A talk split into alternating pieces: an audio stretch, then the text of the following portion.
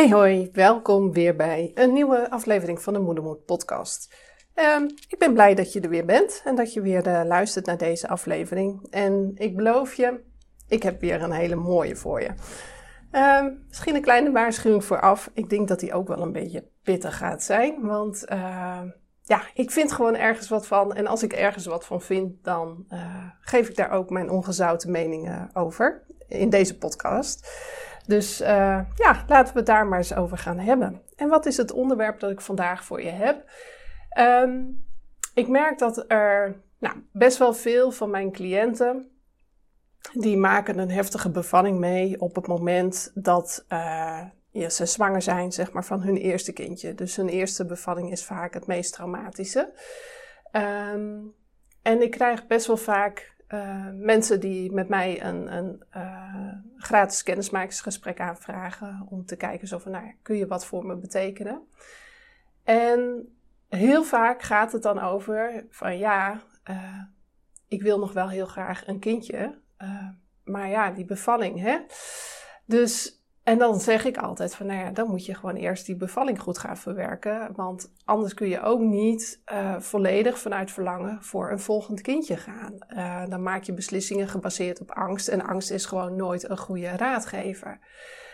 En ik merk um, dat een deel van mijn, of ja, dat zijn dan nog niet cliënten, maar een deel van de mensen die ik spreek tijdens zo'n kennismakingsgesprek dat ergens ook lastig vindt. Uh, dat ze zoiets hebben, zo van ja, nou ja, maar ik, ik wil gewoon zonder angst die zwangerschap in. Uh, uh, waar, waar moet ik dan nog wat met die bevalling? Dat is al twee, drie jaar, misschien nog langer geleden.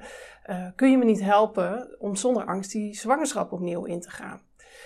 Ja, dat kan ik wel, maar je moet het eigenlijk voorstellen als. Ik kom, ik kom voorheen, werkte ik in het onderwijs, dus ik kom even met een, een, een voorbeeld uit het onderwijs. Je moet je dan voorstellen dat een kind aan mij vraagt van... Goh, juf, uh, leer me nou maar gewoon die staardelingen. Uh, ik, ik heb helemaal geen zin om die tafels eerst te leren en om deelsommen eerst te leren. Ik wil gewoon gelijk beginnen met die staardeling. Lijkt me een goed plan. Uh, dus je gaat eigenlijk aan iets werken zonder dat de, de, de basis, de vruchtbare bodem die je daarvoor nodig hebt... zonder dat die stevig staat. Nou, dat is gewoon drijfzand. Dus alles wat je daar opbouwt zonder goed te werken uh, aan, aan je bevallingstrauma, stort in elkaar als een huis. Dus dat is gelijk het tweede voorbeeld. Je gaat een huis bouwen zonder stevige fundering. Dus je kunt je voorstellen dat, dat wat je erop zet, natuurlijk gaat het je wel iets brengen. En natuurlijk zal het ervoor zorgen dat je mogelijk die stap wel durft te zetten. Alleen van een traumatische ervaring leert ons brein ook iets. En als je dat niet eerst oplost, dan kan je er donder op zeggen dat dit bij je terugkomt. Het zij in je zwangerschap dat je voor een complicatie komt te staan of een herhaling van zetten. Het zij tijdens je bevalling. Want van iedere traumatische gebeurtenis leert je brein wat. Nou, hoe moet je je dat voorstellen? Heel lang geleden, toen wij nog in de oertijd leefden, was er een groepje mannen dat op jacht ging. En ze liepen allemaal wat verspreid rond, wel in de buurt, maar wel wat verspreid rond. En een van die mannen die loopt richting een boom, die hoort het gras wat ruisen en ineens staat hij oog in oog met een leeuw. En die leeuw denkt, ah, lekker hapje, dat is makkelijk vandaag. Dus die gaat achter die man aan, die man die rent voor zijn leven, die leeuw die pakt hem, de andere mannen zien wat er gebeurt, die rennen erop af, die weten die leeuw weg te jagen. En die man die komt er gelukkig met wat, wat schaafwonden, wat, wat, wat sneeën, komt hij ervan af. Een maand later, op het moment dat hij weer genezen is, dat zijn wonden zijn genezen, gaat hij weer met dat groepje mannen gaat hij jagen. Ze gaan naar een hele andere plek. Een plek die echt niet lijkt op de plek waar ze de eerste keer zijn geweest. Of de vorige keer. Ze zijn vast vaker op jacht geweest. Compleet andere plek. Die man die hoort het gras ruisen en die begint te rennen. Die denkt, dit is weer een leeuw. Maar de andere mannen die kijken om zich heen en die zien helemaal geen leeuw. Dus puur op het ruisen van het gras, want dat was de eerste keer de aanleiding van er is een leeuw, denkt het brein, ho, gevaar, ik moet wegwezen. Terwijl er helemaal geen gevaar op dat moment was. Ook al leven wij niet meer in de oertijd, ons brein werkt nog wel steeds op dezelfde manier. Dus stel je voor, ik noem maar wat, dat je weer getoucheerd gaat worden tijdens je bevalling, terwijl je er de eerste keer hele heftige uh, gevoelens aan over hebt gehouden, dat dat heel heftig is geweest voor je, heel pijnlijk. En ze gaan dat tijdens de tweede bevalling weer doen, zonder dat je op dat stukje trauma hebt gewerkt, waarbij je eigenlijk je brein uitnodigt om los te komen van die triggers, los te komen van die angst en de ervaring goed weg te schrijven naar het lange termijn geheugen. Het is niks meer of niks minder dan zal de volgende keer dat je weer getoucheerd wordt, diezelfde gevoelens van angst, paniek, pijn weer bij je oproepen. Ook al is het een compleet andere gebeurtenis. Ook al gebeurde de, de eerste keer dat het zo heftig voor je was in het ziekenhuis en de tweede keer op de praktijk van de verloskundige. Maakt niet uit. Je brein leert door dit soort ervaringen heel generalistisch. En dat houdt in dat het niet specifiek op alle details let. Zo van, oh hé, hey, maar dat was toen in dat ziekenhuis, in die verloskamer, bij die uh, klinisch verloskundige of die artsassistent gynaecologie of die gynaecoloog. Uh, nu ben ik in een, een verloskundige praktijk, hele andere plek, een andere verloskundige die het doet. zo denkt je brein niet. Je brein die, ja, leert ervan gewoon heel generalistisch. Dus als er maar iets is wat lijkt op de vorige situatie, denk je oh, error, uh, dit is weer een herhaling van de vorige keer. Ik ben in gevaar, ik moet in actie komen. Dus dan komt die hele fight-flight respons, hè, waar je misschien wel eens van hebt gehoord.